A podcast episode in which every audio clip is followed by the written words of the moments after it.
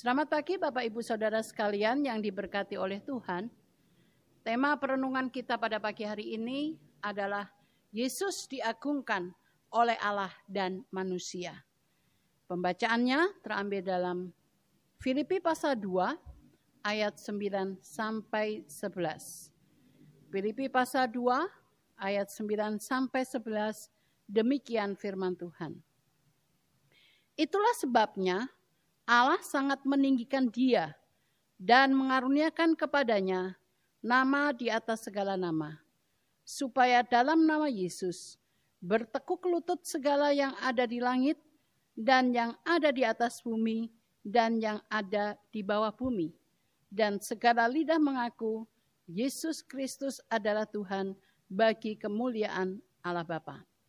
Bapak Ibu Saudara yang diberkati oleh Tuhan, di dunia ini tidak ada satu orang pun yang pernah diagungkan oleh Allah selain daripada Yesus. Hal itu dapat kita ketahui ketika Yesus dibaptis oleh Yohanes Pembaptis. Pada saat itu Allah mengatakan demikian tentang Yesus. Inilah anakku yang kukasihi. Kepadanya lah aku berkenan. Lalu di lain kesempatan, Allah juga mengagungkan Yesus ketika dia berada di atas puncak gunung bersama dengan ketiga muridnya. Petrus, Yohanes, dan juga Yakobus. Pada saat itu wajah Yesus berubah dan pakaiannya berkilau-kilauan. Dan dalam kondisi yang demikian, para murid melihat bahwa Musa dan Elia pun ada di sana sedang berbicara dengan Yesus. Karena itulah Petrus mengusulkan untuk mendirikan tiga kemah bagi mereka. Tapi dalam kondisi yang seperti itu, lagi-lagi Allah berbicara tentang Yesus melalui ucapannya. Inilah anakku yang kukasihi. Dengarkanlah dia. Melalui peristiwa tersebut, Allah seakan-akan ingin mengingatkan kepada mereka dan juga kepada kita bahwa suara Yesuslah yang harus didengarkan. Suara Yesuslah yang harus kita turuti. Suara Yesuslah yang harus kita ikuti dan lakukan. Dan Yesuslah yang harus mengatur hidup kita dan bukan sebaliknya. Karena itu saudara, jangan sekali-kali kita mencoba mengatur Allah dalam hidup kita. Tapi izinkan dia menguasai hati kita. Izinkan dia mengatur langkah kita. Izinkan dia menuntun hidup kita. Nah hal yang sama juga terjadi ketika Yesus dimuliakan oleh manusia. Kita tentu ingat peristiwa ketika Yesus berjalan di atas air dan juga ketika Yesus meredakan angin ribut. Pada waktu itu, orang banyak mengakui keberadaan Yesus sebagai anak Allah. Hal itu juga Pernah diucapkan Petrus ketika Yesus bertanya, siapakah aku ini? Petrus dengan lantang mengatakan, engkau adalah Yesus, anak Allah yang hidup. Inilah bentuk pengagungan manusia kepada Yesus. Bahkan prajurit-prajurit yang menjaga kubur Yesus pun juga melakukan hal yang sama. Ketika dia mengatakan, sungguh ia ini adalah anak Allah. Lalu yang menjadi pertanyaannya adalah, mengapa Yesus dimuliakan Allah? Tentu ada banyak alasannya. Di antaranya adalah karena dia taat. Taat pada perintah Allah.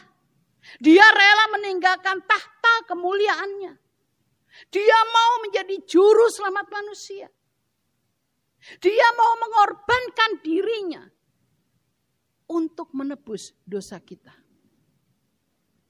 Karena itulah Allah begitu mengagungkan dia.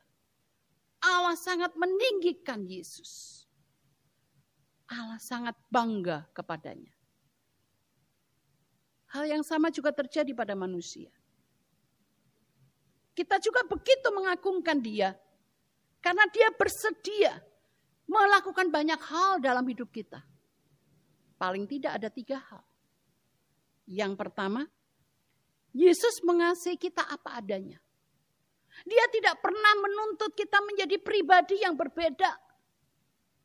Dia tidak pernah meminta kita untuk menjadi pribadi yang tidak dapat kita penuhi. Tapi dia mau menerima kita apa adanya. Dan lebih daripada itu, kasihnya pada kita tanpa syarat, tanpa embel-embel. Bahkan firman Tuhan mengatakan, ketika kita masih berdosa pun, Allah telah menunjukkan kasihnya pada kita. Inilah yang membuat kita bersyukur kepadanya. Inilah yang membuat kita begitu mengagungkan dia. Inilah yang membuat kita begitu mengagungkan namanya, ingin menyembahnya, ingin mengasihinya, ingin berbuat sesuatu padanya. Karena kasihnya luar biasa dalam hidup kita. Lalu hal kedua, yang membuat kita mengagungkan Yesus adalah karena dia mau menjadi pembela dalam hidup kita. Di saat orang lain enggan membela masalah kita, di saat orang lain cuek dengan persoalan kita. Di saat orang lain bermasa bodoh dengan pergumulan kita, Yesus tampil membela hidup kita. Dia membela kita dari tuntutan iblis. Dia membela kita di hadapan Allah. Dia membela kita dari kesalahan-kesalahan yang kita lakukan. Dia membela dari kejahatan yang kita perbuat. Namun bukan berarti dia setuju dengan kejahatan dan kesalahan yang kita lakukan. Tidak.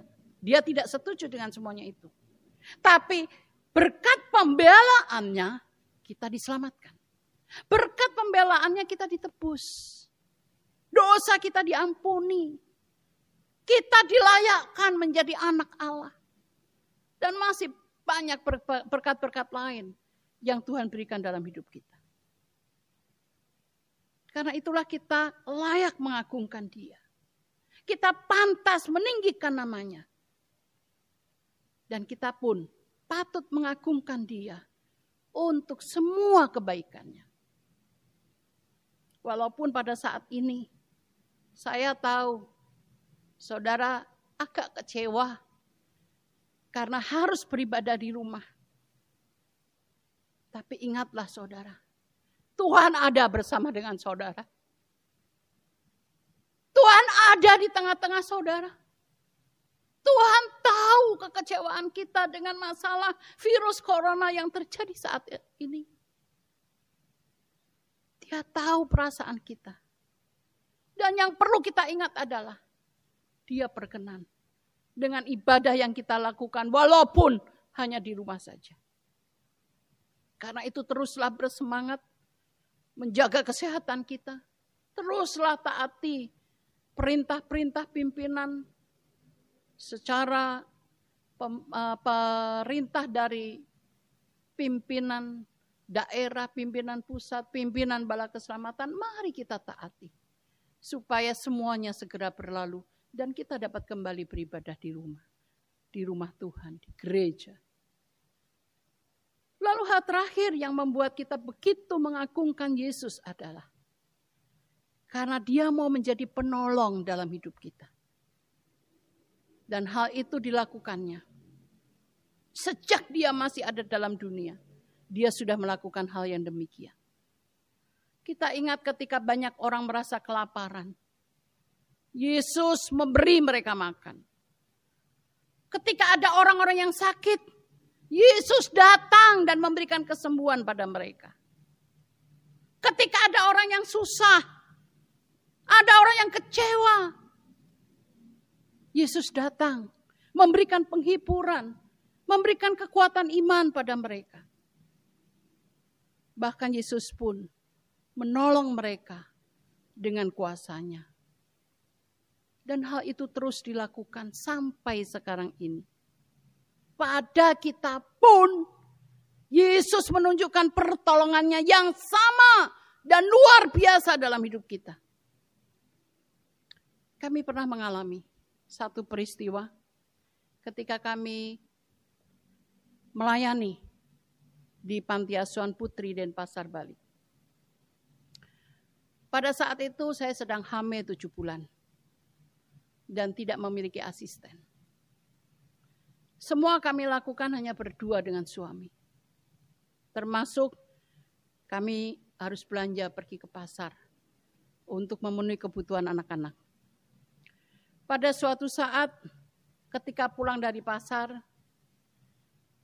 seperti biasanya saya menggunakan dokar, tapi yang berbeda adalah tiba-tiba kuda yang menarik dokar kami naik ke atas, melonjak ke atas. Sehingga dokar itu hampir jomplang, hampir terjatuh.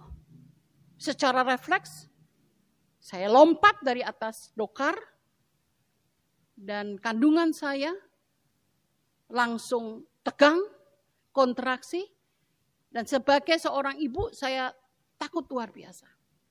Saya takut terjadi apa-apa dengan anak saya. Tapi puji Tuhan, anak kami lahir dengan selamat dalam usia kandungan sampai 9 bulan. Kalau pada saat itu Allah menjaga, melindungi dan menolong saya, maka hal yang sama terjadi pada saudara. Saat ini, detik ini, Allah pun dapat menolong saudara, walaupun dalam cara yang berbeda. Dia dapat menolong kita dalam menghadapi virus corona yang sedang melanda negara ini.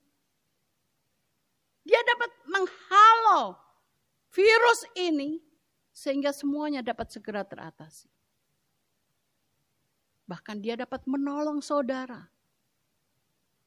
yang mungkin karena keterbatasan ekonomi. Dengan diliburkan selama dua minggu, saudara akan mengalami kesulitan untuk mereka yang gajinya bulanan tidak masalah libur dua minggu. Tapi bagaimana dengan saudara yang mendapatkan berkat Tuhan hari demi hari? Mungkin saudara bertanya, apa yang harus saya makan? Bagaimana Tuhan dapat mencukupi kebutuhan saya? Ingatlah saudara, Tuhan kita luar biasa. Dia dengan caranya yang ajaib dapat menolong kita. Masalah kita mungkin berbeda-beda. Pergumulan kita mungkin tidak sama. Tapi kita punya Allah yang maha kuasa. Pertolongannya ajaib untuk saudara dan saya yang mengandalkannya. Tuhan memberkati kita. Amin.